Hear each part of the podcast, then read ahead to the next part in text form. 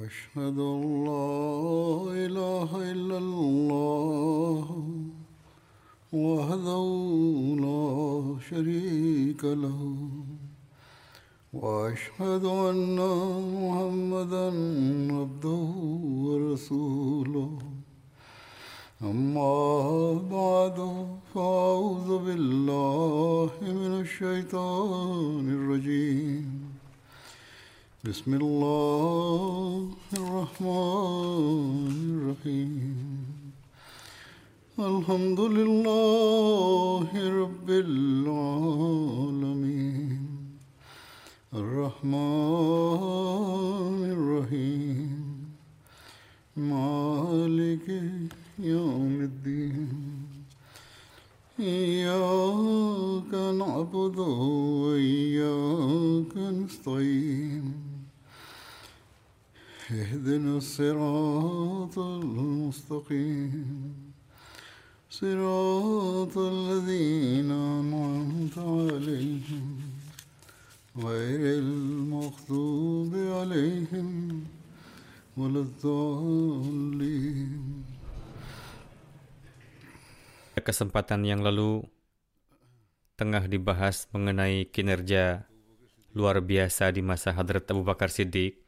Dalam konteks ini, ada beberapa detail mengenai hak-hak para zimmi.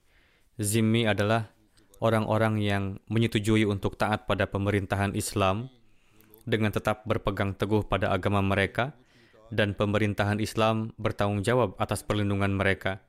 Tidak seperti kaum muslimin Orang-orang ini dibebaskan dari wajib militer dan zakat pun tidak dikenakan pada mereka. Oleh karena itu, sebagai imbalan atas perlindungan jiwa dan harta benda, serta hak asasi manusia lainnya, dari mereka dipungut pajak yang biasa disebut jizyah. Besarannya hanya 4 dirham per tahun untuk setiap orang dan hanya dikenakan pada orang dewasa yang sehat dan mampu bekerja orang-orang yang tua, cacat, fakir miskin, dan anak-anak dibebaskan darinya. Bahkan sebaliknya, para penyandang disabilitas dan orang-orang yang membutuhkan tersebut mendapatkan bantuan dari Baitul Mal Islam. Selama penaklukan Irak dan Suriah, banyak kabilah-kabilah dan masyarakat yang menjadi rakyat dari pemerintahan Islam atas dasar jizyah. Dalam perjanjian yang dibuat dengan mereka, ditetapkan juga klausul-klausul semacam ini, yakni biara dan gereja mereka tidak akan dihancurkan. Demikian juga benteng yang mereka gunakan sebagai pertahanan dalam menghadapi musuh pada saat diperlukan tidak akan dirobohkan. Mereka tidak dilarang untuk membunyikan lonceng, tidak juga dilarang untuk membawa salib pada kesempatan festival, yakni mereka pun dapat melakukan pawai salib dalam perjanjian damai yang dibuat Hadrat Khalid bin Walid dengan penduduk Hira semasa kekhalifahan Hadrat Abu Bakar, selain hal-hal lainnya, disepakati juga bahwa orang-orang yang lanjut usia yang tidak mampu untuk bekerja atau menderita suatu penyakit atas kesulitan apa pun, atau orang yang sebelumnya kaya, kemudian sedemikian rupa jatuh miskin, sehingga saudara seagamanya harus memberinya sedekah, maka pemungutan pemungutan jizyah akan dihapuskan atau ditiadakan darinya. Dan selama ia tinggal di Darul Hijrah dan Darul Islam, di mana, di mana ada pemerintahan Islam di sana, biaya hidup dia dan keluarganya akan dipenuhi dari Baitul Mal umat Islam. Namun, jika orang-orang tersebut meninggalkan Darul Hijrah dan Darul Islam, lalu pindah ke negara lain, maka umat Islam tidak akan bertanggung jawab untuk menghidupi keluarga mereka. Menurut sebuah riwayat, tertulis dalam perjanjian Hadrat Khalid bin Walid dengan penduduk Hira bahwa orang-orang yang membutuhkan dan para penyandang disabilitas serta para rahib yang meninggalkan dunia akan dibebaskan dari jizyah.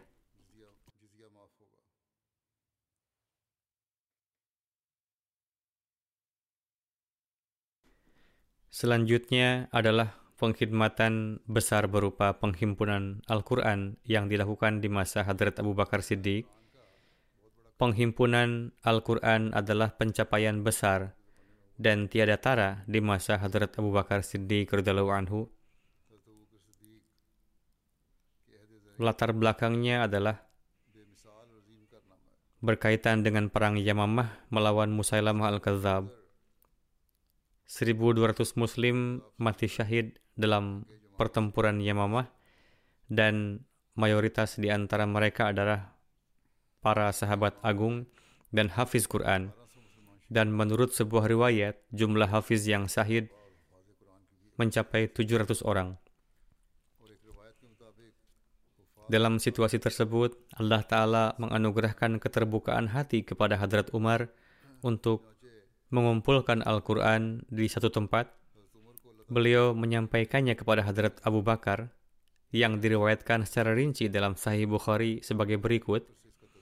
Ubaid bin Sibak meriwayatkan bahwa Hadrat Zaid bin Sabit menuturkan bahwa setelah pertempuran dengan penduduk Yamamah, Hadrat Abu Bakar memanggil beliau dan beliau melihat bahwa Hadrat Umar bin Khattab juga duduk di sebelah Hadrat Abu Bakar.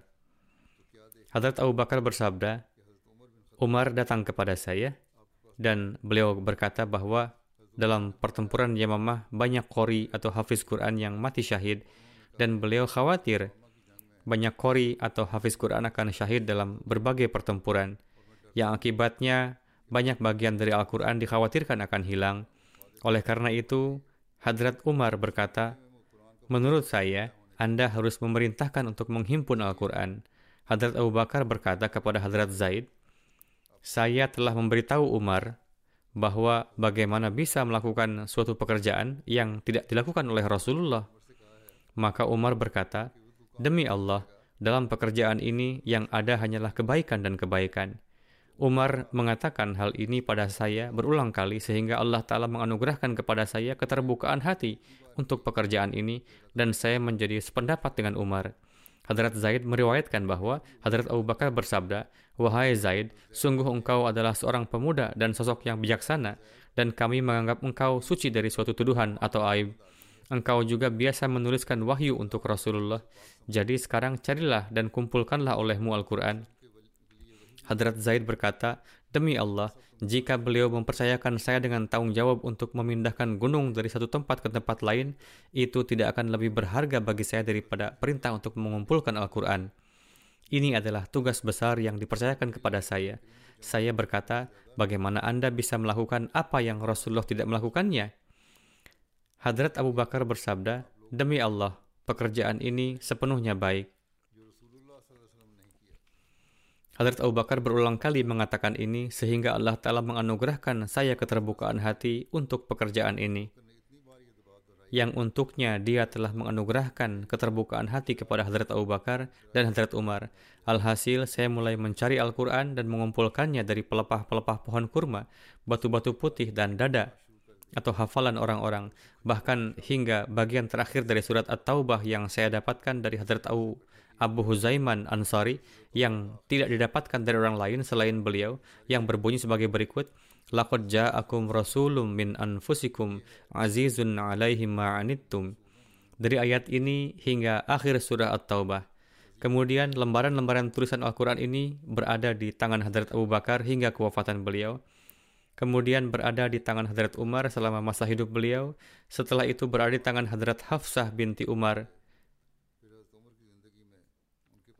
Imam Baghawi dalam bukunya Syarah Al-Sunnah seraya menuliskan catatan kaki pada hadis-hadis berkenaan dengan penghimpunan Al-Quran mengatakan Al-Quran yang diturunkan oleh Allah Ta'ala kepada Rasulnya dikumpulkan oleh para sahabat tanpa penambahan atau pengurangan dan alasan dari penghimpunan Al-Quran adalah para sahabat telah dinyatakan dalam hadis bahwa Sebelumnya Al-Quran terserak di pelepah-pelepah kurma, batu, batu tulis, lempengan-lempengan, dan hafalan para hafiz Quran. Para sahabat khawatir bahwa beberapa bagian dari Al-Quran akan hilang karena kesyahidan para hafiz. Oleh karena itu, mereka datang ke hadapan Hadrat Abu Bakar dan menyarankan beliau untuk mengumpulkan Al-Quran di satu tempat. Pekerjaan ini dilakukan dengan persetujuan seluruh sahabat sehingga mereka menyusun Al-Quran persis seperti yang mereka dengar dari Rasulullah tanpa menempatkan yang awal di belakang dan yang akhir di depan.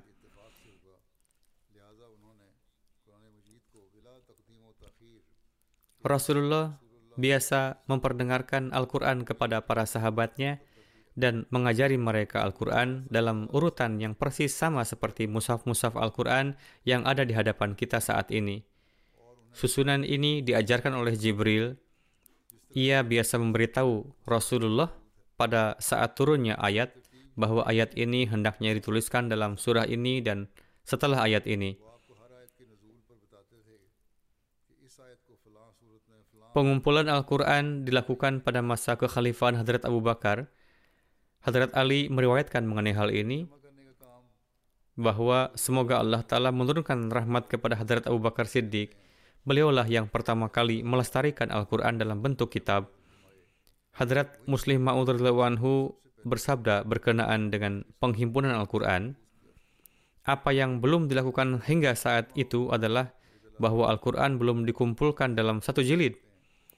Ketika 500 hafiz Al-Quran terbunuh dalam pertempuran ini, yakni pertempuran Yamamah, maka Hadrat Umar menghadap Hadrat Abu Bakar dan mengatakan bahwa 500 hafiz Quran telah syahid dalam satu pertempuran, sedangkan masih banyak pertempuran di hadapan kita. Jika para hafiz lainnya juga syahid, maka orang-orang akan meragukan Al-Quran. Oleh karena itu, Al-Quran harus dikumpulkan dalam satu jilid. Hadrat Abu Bakar pada awalnya menyangkal hal ini, namun akhirnya menerima saran beliau. Hadrat Abu Bakar menunjuk Hadrat Zaid bin Sabit untuk tugas ini, yang mana di masa kehidupan Hadrat Rasulullah, beliau biasa menuliskan Al-Quran dan menunjuk para sahabat agung untuk membantu beliau.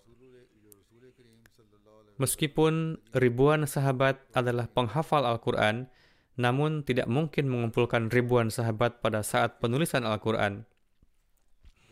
Maka Hadrat Abu Bakar memerintahkan agar Al-Quran disalin dari naskah tertulis dan di samping itu dilakukan tindakan kehati-hatian, yaitu setidaknya ada dua hafiz Al-Quran lainnya untuk mengkonfirmasinya maka Al-Quran yang ditulis pada kulit-kulit dan tulang-tulang dikumpulkan di satu tempat dan dikonfirmasi oleh para hafiz Quran.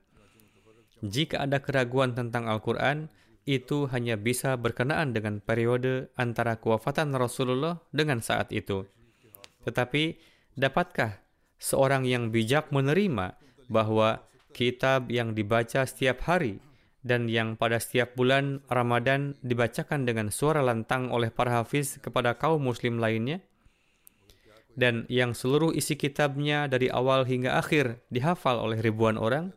Dan kitab yang meskipun belum dikumpulkan dalam satu jilid namun puluhan sahabat biasa menuliskannya dan keseluruhannya ditulis dalam potongan-potongan Bisakah seseorang dapat merasakan kesulitan untuk mengumpulkannya dalam satu jilid? Dan kemudian, mungkinkah timbul kesulitan bagi seseorang yang pada zaman Rasulullah ia ditugaskan untuk menuliskan Al-Quran dan ia sendiri seorang hafiz dan ketika Al-Quran dibaca setiap hari, mungkinkah ada kekeliruan dalam jilid yang dihimpun tersebut dan para hafiz yang lain tidak mendapatinya? Jika kesaksian semacam ini diragukan, maka tidak ada dalil yang tersisa di dunia. Faktanya adalah tidak ada suatu tulisan yang eksis di dunia ini dengan kesinambungan yang sedemikian rupa seperti halnya Al-Quran.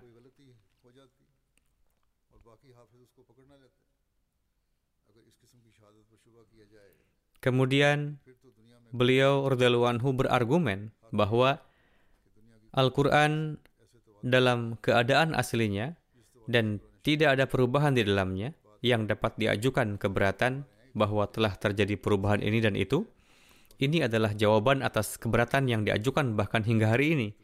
Hadrat Muslim Ma'ud bersabda seraya memberikan jawaban atas suatu keberatan bahwa salah satu keberatan yang diajukan adalah seluruh Al-Quran tidak ditulis pada masa Rasulullah.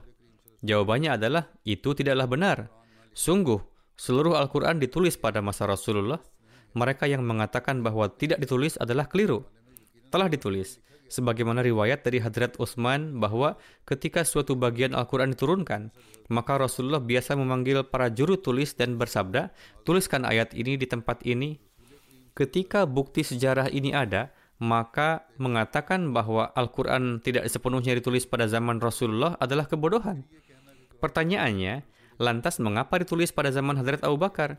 Jawabannya adalah, pada zaman Rasulullah, Al-Quran tidak dalam satu jilid seperti sekarang. Timbul gagasan pada Hadrat Umar bahwa jangan sampai orang-orang beranggapan bahwa Al-Quran tidak terjaga. Oleh karena itu, kalimat yang diucapkan beliau kepada Hadrat Abu Bakar dalam hal ini adalah, Inni ara an ta'mura jam'ul Quran. Yakni saya merasa sudah selayaknya Anda memerintahkan untuk mengumpulkan Al-Quran dalam bentuk satu kitab. Beliau tidak mengatakan tuliskanlah. Kemudian Hadrat Abu Bakar memanggil Hadrat Zaid dan memerintahkan kumpulkanlah Al-Quran. Jadi beliau bersabda ijma'ahu, yakni kumpulkanlah di satu tempat beliau tidak memerintahkan tuliskanlah.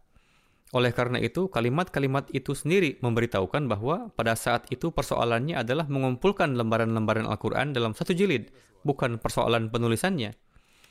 Di masa kekhalifahan Hadrat Abu Bakar, Al-Quran dikumpulkan dalam satu jilid. Dan kemudian di masa kekhalifahan Hadrat Utsman terjadi kemajuan lebih lanjut yaitu seluruh Arab bahkan seluruh dunia Islam disatukan pada satu kiraat. Mengenai penerbitan Al-Quran pada masa pemerintahan Hadrat Utsman, Hadrat Muslim Maud menjelaskan, setelah masa Hadrat Abu Bakar, pada masa Hadrat Utsman muncul keluhan bahwa orang-orang dari berbagai suku membaca Al-Quran dengan kiraat yang berbeda-beda, dan ini berdampak buruk pada non-muslim yang beranggapan bahwa ada banyak versi mushaf Al-Quran. Yang dimaksud kiraat adalah satu kabilah membaca suatu huruf dengan tanda baca fathah, yang lainnya membaca dengan tanda kasrah, dan yang lainnya lagi membacanya dengan tanda baca domah. Dan ini tidak ditemukan dalam bahasa lain kecuali bahasa Arab. Oleh karena itu, ketika seseorang yang tidak memahami bahasa Arab mendengar ini, dia akan mengira bahwa yang satu mengucapkan seperti ini, yang lainnya mengucapkan seperti itu. Padahal mereka mungkin mengatakan hal yang sama. Alhasil, untuk menghindari fitnah tersebut, Hadrat Utsman menyarankan untuk membuat salinan-salinan dari mushaf yang telah ditulis di zaman Hadrat Abu Bakar, lalu mengirimkannya ke berbagai negeri. Dan beliau memerintahkan supaya Al-Quran di, hanya dibaca sesuai dengan kiraat ini, dan tidak dibaca dengan kiraat lain. Apa yang disabdakan oleh Hadrat Utsman ini sama sekali tidaklah bertentangan. Di masa Rasulullah, bangsa Arab menjalani kehidupan sesuai dengan kabilah-kabilah mereka – yakni setiap kabilah saling terpisah dengan kabilah lainnya, sehingga mereka pun telah terbiasa dengan dialek mereka masing-masing, yakni mereka memiliki gaya bahasa mereka masing-masing. Namun, setelah mereka bertemu dan berbaiat di tangan Rasulullah, bangsa Arab menjadi memiliki peradaban, di mana bahasa Arab tidak hanya menjadi bahasa umum, namun bahkan menjadi bahasa pengetahuan. Banyak orang-orang Arab yang kemudian sanggup untuk membaca dan menulis, sehingga atas sebab ini, setiap orang dari kabilah mana pun juga ia berasal, dengan kemudahan ini mereka lantas dapat mempergunakan lafaz-lafaz yang merupakan bahasa pengetahuan bagi mereka, di mana pada hakikatnya ini pun merupakan bahasa negara mereka. Alhasil, tidak ada lagi suatu alasan bahwa tatkala segenap orang telah terbiasa dengan suatu bahasa pengetahuan, namun mereka tetap saja diberikan izin untuk terus membaca Al-Quran Syarif dengan cara-cara kabilah mereka, di mana ini akan memberi kesan buruk bagi kaum non-Arab. Maka dari itu, Hadrat Utsman menuliskan Al-Quran Syarif dengan harakat-harakat sesuai dengan gaya bahasa Mekah, lalu membagikan salinan-salinan ke segenap penjuru negeri. Dan beliau memberi perintah bahwa di masa yang akan datang Al-Quran Syarif tidak akan dibaca dengan dialek kabilah mana pun kecuali dialek Mekah. Karena ketidakfahaman atas hal ini, para penulis Eropa dan dari bangsa-bangsa lain selalu melontarkan keberatan bahwa Hadrat Utsman telah membuat suatu Al-Quran baru atau Hadrat Utsman telah mengadakan suatu perubahan baru di dalam Al-Quran. Sementara hakikatnya adalah seperti yang telah dijelaskan tadi. Hadrat Masih Maud salam bersabda, tidak diragukan lagi bahwa Al-Quran adalah wahyu yang langsung dari Tuhan, di mana seluruhnya hingga huruf dan titiknya pun tidak ada yang berubah. Dan Allah telah menurunkannya dengan pengaturan yang sempurna di bawah penjagaan para malaikat. Lalu dalam hal ini, Nabi Karim SAW tidak membiarkan satu hal pun luput dari dalam segala segi penyusunannya, di mana beliau melakukan pengawasan yang langsung dan teratur di depan mata beliau dalam menuliskan setiap ayat Al-Quran yang turun, hingga pada akhirnya beliau selesai menghimpun keseluruhannya. Lalu beliau sendiri menyesuaikan setiap ayatnya berdasarkan urutannya dan menyatukannya. Lalu baik di dalam salat dan di luar salat, beliau dawam menilawatkannya. Hingga pada akhirnya beliau beranjak dari dunia ini dan berjumpa dengan sang sahabat dan kekasih sejati beliau, Tuhan semesta alam.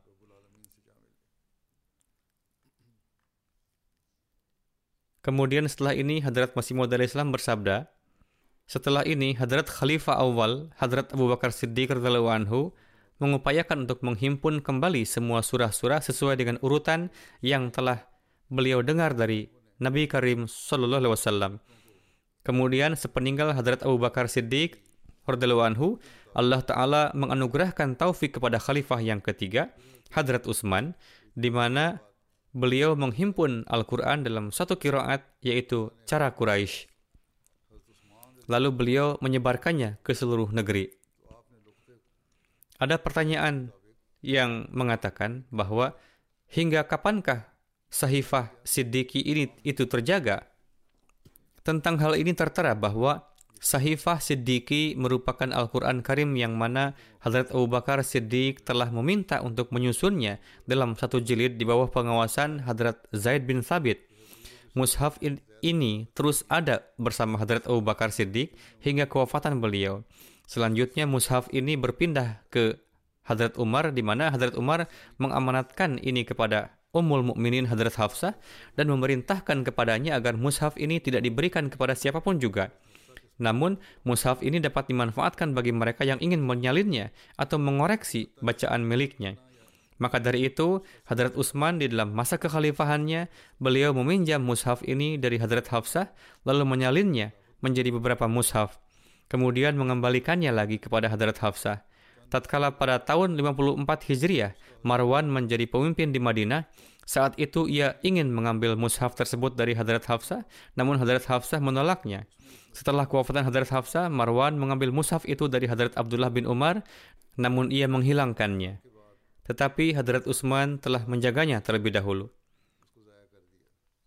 Pekerjaan-pekerjaan yang pertama kali diselesaikan oleh Hadrat Abu Bakar Siddiq atau jasa-jasa yang pertama-tama ditorehkan melalui diri beliau disebut juga dengan istilah awaliyate Abu Bakar, yakni keunggulan-keunggulan Abu Bakar.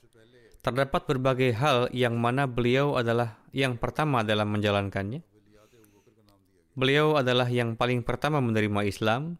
Kedua, beliau adalah yang paling pertama membuat masjid, yaitu di depan rumah beliau di Mekah. Kemudian ketiga, beliau adalah yang paling pertama melawan Quraisy Mekah untuk melindungi Rasulullah di Mekah. Keempat, beliau adalah yang paling pertama membeli dan memerdekakan banyak hamba sahaya yang mendapat berbagai penganiayaan karena menerima Islam. Kelima, beliau adalah yang paling pertama menghimpun Al-Quran Karim dalam satu jilid.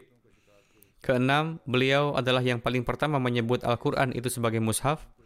Ketujuh, beliau adalah yang paling pertama menjadi Khalifah Rashidah. Kedelapan, beliau adalah yang paling pertama menjadi Amir Haji di masa kehidupan Rasulullah. Kesembilan, beliau adalah yang paling pertama menjadi imam salat bagi kaum muslim di masa kehidupan Rasulullah.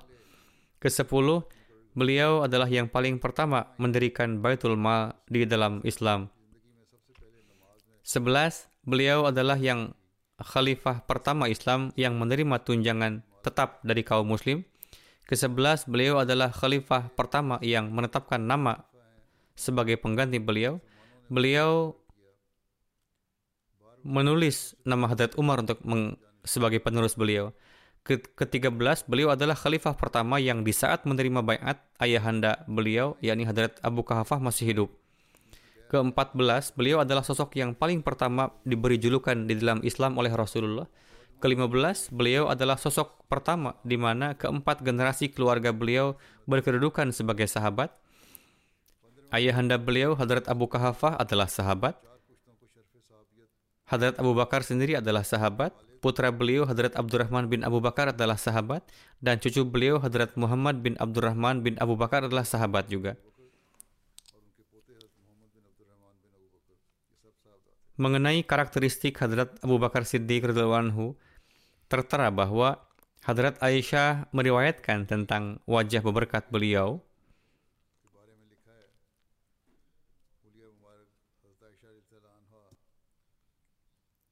Hadrat Aisyah menyampaikan bahwa beliau pernah melihat seseorang Arab yang sedang berjalan kaki, sementara beliau saat itu ada di atas tandu beliau. Hadrat Aisyah bersabda, saya belum pernah melihat orang yang sedemikian serupa dengan Hadrat Abu Bakar. Kami berkata kepada Hadrat Aisyah, mohon jelaskan wajah Hadrat Abu Bakar kepada kami. Lalu Hadrat Aisyah bersabda, Hadrat Abu Bakar adalah sosok berkulit putih, bertubuh kurus, kedua pelipisnya tipis, punggung beliau sedikit membungkuk ke depan, kain ikat celana beliau pun tidak terletak di pinggang dan kerap turun ke bawah, wajah beliau kurus dan tidak berisi, kedua mata beliau terletak di ke arah dalam, dan dahi beliau tinggi. Ibnu Sirin menuturkan, saya bertanya kepada Hadrat Anas bin Malik bahwa apakah Hadrat Abu Bakar mewarnai rambutnya? Ia menjawab, ya, beliau mewarnai rambut dan janggut beliau dengan mehendi dan katem. Katem adalah jenis tanaman. Mengenai rasa takut kepada Allah Ta'ala dan zuhud serta takwa, tertera bahwa Hadrat Nabi Karim Sallallahu Alaihi Wasallam memberikan sejumlah tanah kepada Hadrat Rabiah bin Jafar dan Hadrat Abu Bakar. Keduanya berselisih perihal satu pohon. Saat perselisihan itu, Hadrat Abu Bakar mengatakan suatu hal yang keras. Tetapi setelah itu beliau menyesalinya dan bersabda, Rabi'ah, Anda pun katakanlah sesuatu yang keras supaya menjadi kisos atasnya. Sebagaimana saya telah berkata dengan keras, maka katakanlah juga kepada saya seperti demikian. Namun Hadrat Rabi'ah menolaknya. Keduanya lalu datang ke hadapan Nabi Karim Sallallahu Alaihi Wasallam dan menceritakan semuanya. Atas hal ini Rasulullah bersabda, Rabia, janganlah anda memberi jawaban yang keras, tetapi berdoalah demikian. Ghafarallahu laka ya Abu Bakar. Wahai Abu Bakar, semoga Allah memaafkanmu. Mendengar ini, Hadrat Rabiah pun mengamalkan seperti demikian. Tatkala Hadrat Abu Bakar mendengar hal ini, beliau sedemikian rupa tersentuh di mana beliau pulang sembari menangis terseduh-seduh. Di dalam satu riwayat tertera bahwa suatu saat Hadrat Abu Bakar Siddiq melihat seekor burung di pohon. Beliau bersabda, Wahai burung, ada kabar suka untukmu. Demi Allah, saya ingin seandainya saya sepertimu. Kamu duduk di atas pohon dan memakan buah-buahan, lalu terbang. Tidak ada perhitungan kelak untukmu dan tidak pula azab. Demi Allah, saya ingin bila mana saya menjadi satu pohon di tepi jalan, lalu ada unta berjalan mendekati saya, lalu menarik saya, dan memasukkan saya ke dalam mulutnya, lalu mengunyah dan menelan saya dengan cepat, lalu mengeluarkan saya dalam bentuk kotorannya, dan saya bukanlah seorang manusia.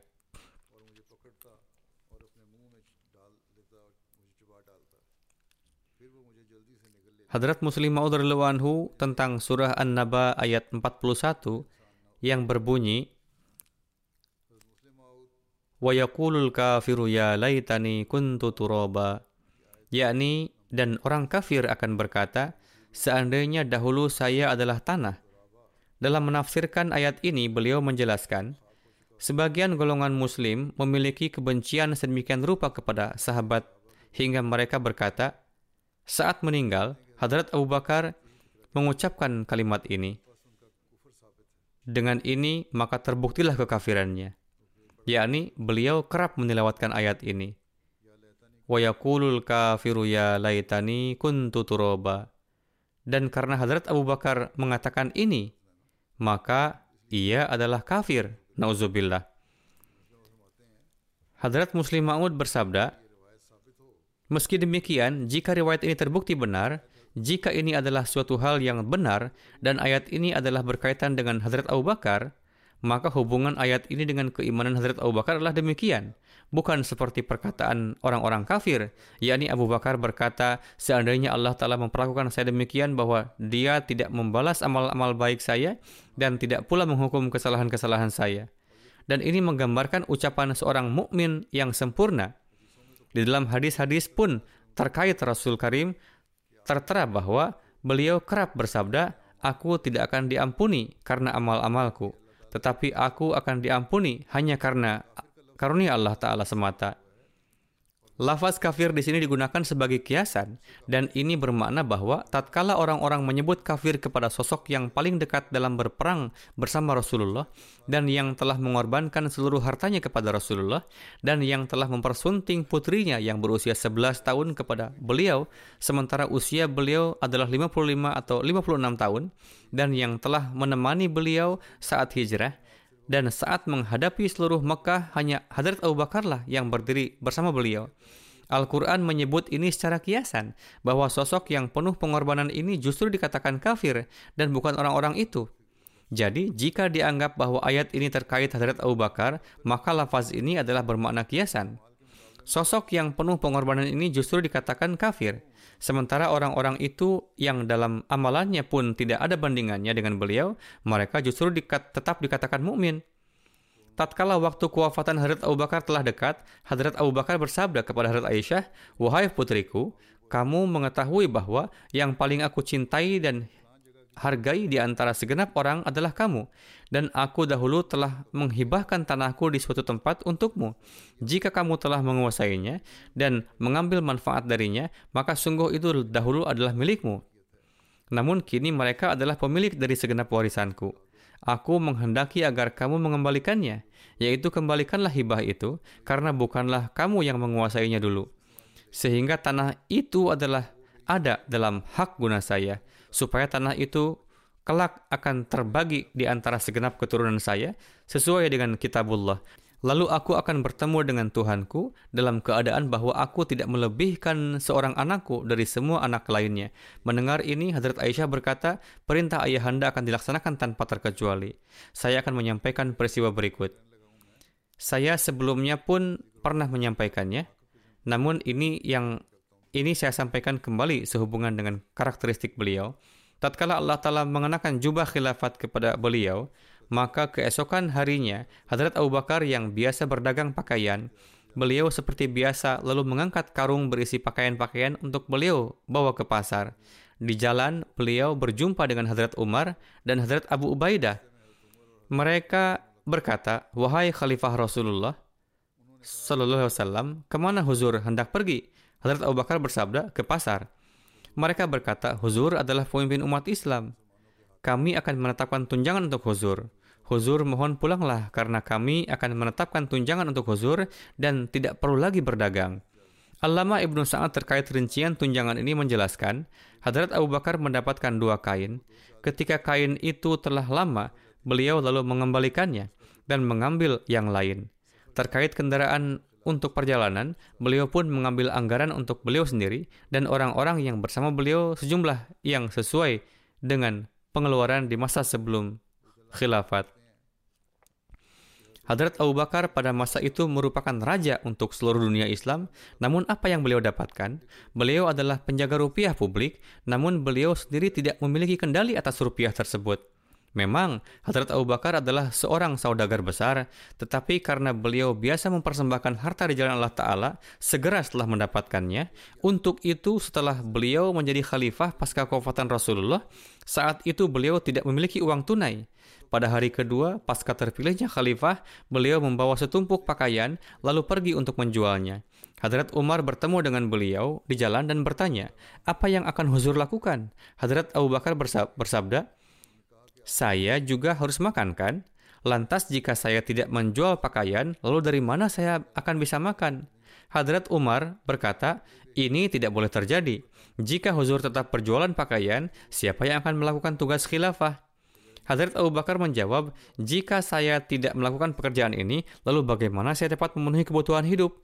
Hadrat Umar mengatakan bahwa Huzur dapat mengambil tunjangan dari Baitul Mal. Hadrat Abu Bakar menjawab, saya tidak mungkin melakukannya. Apa hak saya dari Baitul Mal? Hadrat Umar berkata, ketika Al-Quran mengizinkan harta Baitul Mal dapat digunakan untuk mereka yang melakukan pekerjaan keagamaan, mengapa Huzur tidak mengambilnya? Maka setelah itu, ditetapkanlah tunjangan untuk beliau dari Baitul Mal, tetapi untuk standar masa itu, besaran tunjangan yang beliau terima itu hanya cukup untuk memenuhi kebutuhan makanan dan pakaian saja. Ibnu Abi Malikah meriwayatkan bahwa jika kendali unta terjatuh dari tangan Harith Abu Bakar, beliau akan mendudukkan unta lalu mengambil sendiri kendali tersebut. Dikatakan kepada beliau, mengapa Huzur tidak memerintahkan kami saja agar kami yang mengambil dan mengangkatnya untuk Huzur? Hadrat Abu Bakar menjawab bahwa kekasih saya Sallallahu Alaihi Wasallam memerintahkan saya untuk tidak meminta apa pun dari orang lain kehati-hatian beliau hingga sedemikian rupa.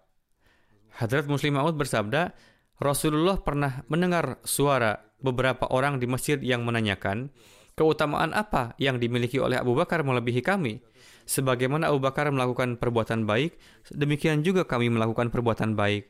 Rasulullah bersabda, Wahai manusia, keutamaan yang dimiliki oleh Abu Bakar bukan karena salat dan puasa, melainkan karena kebaikan yang ada di dalam hatinya. Artinya, kebaikan yang ada dalam hatinya dan kecintaannya kepada Rasulullah dan rasa takutnya kepada Allah Ta'ala memiliki standar yang menjadikannya lebih istimewa dan amalannya sesuai dengan itu, bukan hanya di hati. Dalam menyampaikan tafsir satu ayat Al-Quran, Hadrat Masih Maud salam menjelaskan perihal makom kedudukan Hadrat Abu Bakar. Beliau bersabda, Allah Ta'ala berfirman di sini bahwa kalian harus terus beribadah hingga mencapai tingkat keyakinan yang sempurna, hingga semua hijab dan selubung kegelapan hilang, dan kalian dapat memahami bahwa aku tidak seperti yang sebelumnya, melainkan sekarang engkau adalah negeri baru, bumi baru, langit baru, dan saya pun merupakan makhluk ciptaan baru. Kehidupan kedua inilah yang oleh para sufi disebut sebagai keberlangsungan hidup. Ketika seseorang mencapai tingkatan ini, hanya nafas ruh Allah yang ada di dalam dirinya malaikat turun ke atasnya. Inilah rahasia sehingga Rasulullah mengatakan berkenaan dengan Hadrat Abu Bakar bahwa jika ada yang ingin melihat orang mati berjalan di bumi, maka lihatlah Abu Bakar. Dan derajat Abu Bakar semata-mata bukan karena amalan lahiriahnya, melainkan karena apa yang ada di dalam hatinya. Hadrat Abu Sa'id Khudri meriwayatkan bahwa suatu ketika kami melakukan perjalanan bersama dengan Rasulullah Sallallahu Alaihi Wasallam dan ketika berkemah kami dibagi menjadi beberapa kelompok. Ada yang bersama si fulan dan ada yang bersama si fulan. Hadrat Abu Sa'id Khudri meriwayatkan bahwa saya berkemah bersama dengan Hadrat Abu Bakar. Kami ditemani oleh seseorang penduduk desa dari suku Baduy. Di rumah Baduy, tempat kami tinggal, ada seorang wanita yang sedang mengandung. Orang Baduy itu berkata kepada wanita tersebut, Apakah kamu ingin melahirkan seorang anak laki-laki? Jika Anda memberi saya seekor kambing, maka Anda akan melahirkan seorang anak laki-laki. Lalu wanita itu memberinya seekor kambing. Orang Baduy tersebut membacakan kepadanya beberapa mantra, kemudian ia menyembelih kambingnya, dan ketika orang-orang duduk untuk makan, seorang pria berkata, Apakah kamu tahu bagaimana kambing ini diperoleh? Kemudian dia menceritakan seluruh kisahnya bagaimana dia mengambil seekor kambing dari wanita hamil dengan mengiming-imingi akan lahirnya seorang putra dan akan mendoakannya. Perawi mengatakan bahwa saya melihat Hadrat Abu Bakar hadir juga. Ada di antara mereka yang sedang makan. Hadrat Abu Bakar mengekspresikan rasa jijik, lalu memasukkan jari ke dalam tenggorokan dan memuntahkannya. Beliau bersabda, saya tidak bisa memakan makanan yang diperoleh dengan cara-cara syirik. Hadrat Aisyah meriwayatkan bahwa Hadrat Abu Bakar memiliki seorang hamba sahaya yang biasa memberikan bagian dari penghasilannya dan Hadrat Abu Bakar biasa makan dari penghasilannya. Suatu hari budak itu membawa sesuatu dan Hadrat Abu Bakar memakannya. Budak itu bertanya kepada beliau, "Apakah Anda tahu apa itu?" Hadrat Abu Bakar bertanya, "Apa ini?" Budak itu berkata, "Pada zaman jahiliyah, saya pernah meramal seseorang Padahal saya tidak mengetahui apa-apa tentang ramalan. Saya hanya menipunya saja. Tadi saya berjumpa dengan orang-orang orang tersebut dan dia memberi saya sesuatu sebagai imbalan dari ramalan yang pernah saya lakukan dulu. Mendengar itu, Hadrat Abu Bakar memasukkan jarinya ke tenggorokan dan memuntahkan semua yang ada di perut. beliau bersabda, saya tidak akan bisa makan makanan terlarang seperti ini.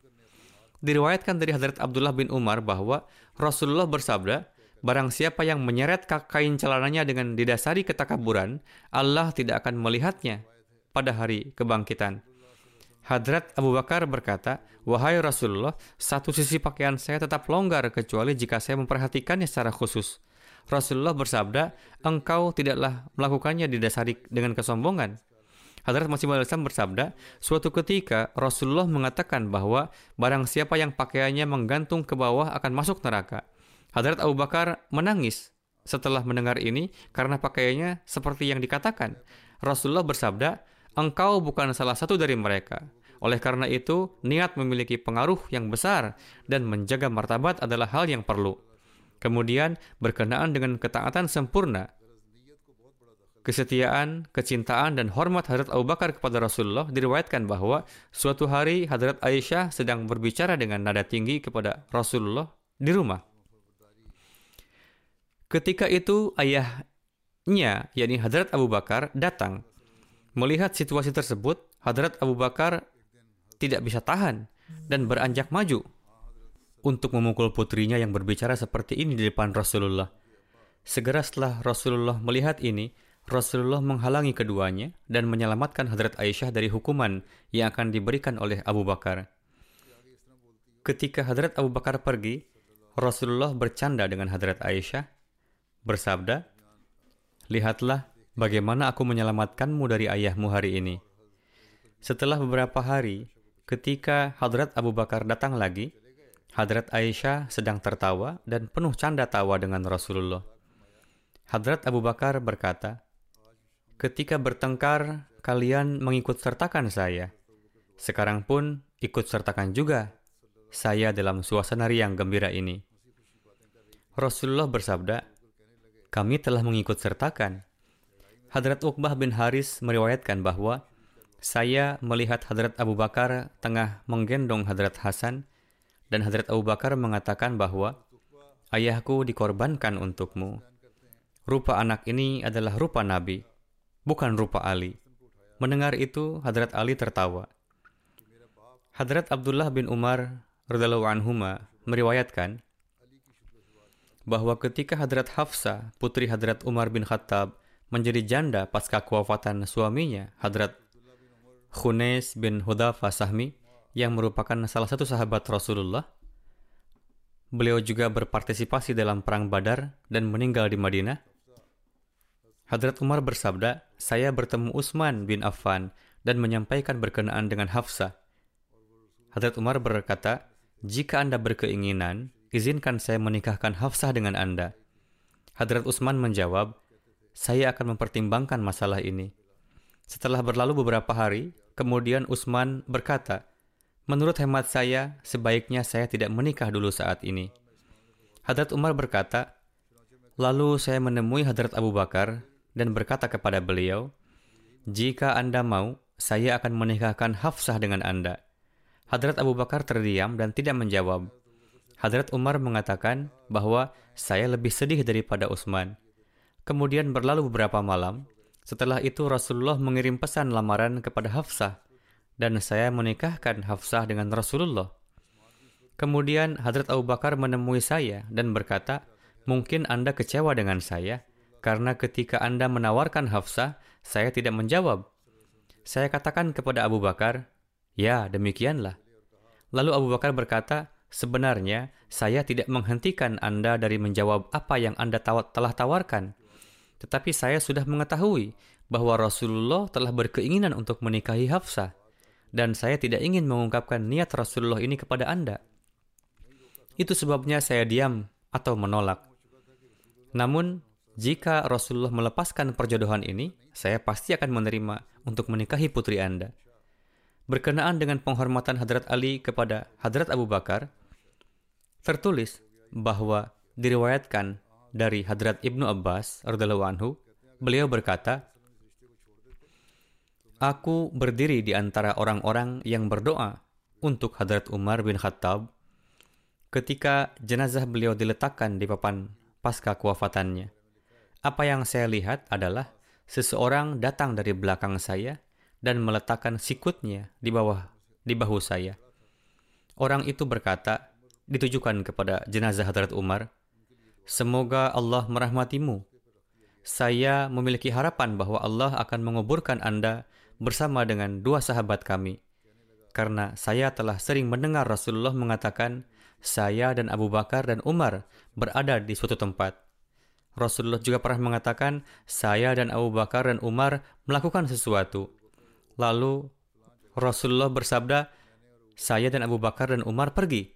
Orang itu berkata, oleh karena itu saya berharap bahwa Allah Ta'ala akan menempatkan Anda bersama mereka, yakni Rasulullah dan Abu Bakar. Ketika saya berbalik, ternyata orang yang mengatakan itu adalah Hadrat Ali bin Abi Talib. Selebihnya akan saya lanjutkan nanti.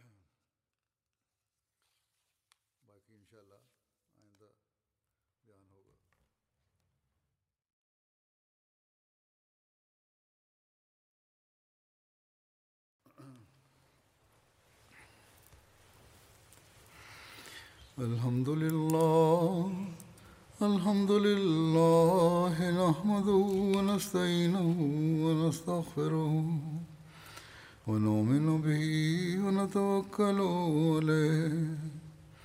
ونعوذ بالله من شرور أنفسنا ومن سيئات أعمالنا.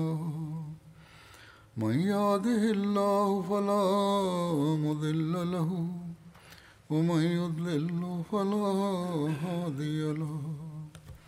ونشهد أن لا إله إلا الله ونشهد أن محمدا عبده ورسوله. عباد الله رحمكم الله. إن الله يأمر بالعدل واللسان وإيتاء ذي القربى وينهى عن الفحشاء والمنكر والبغي يعظكم لعلكم تذكرون اذكروا الله يذكركم وادعوه يستجب لكم ولذكر الله أكبر.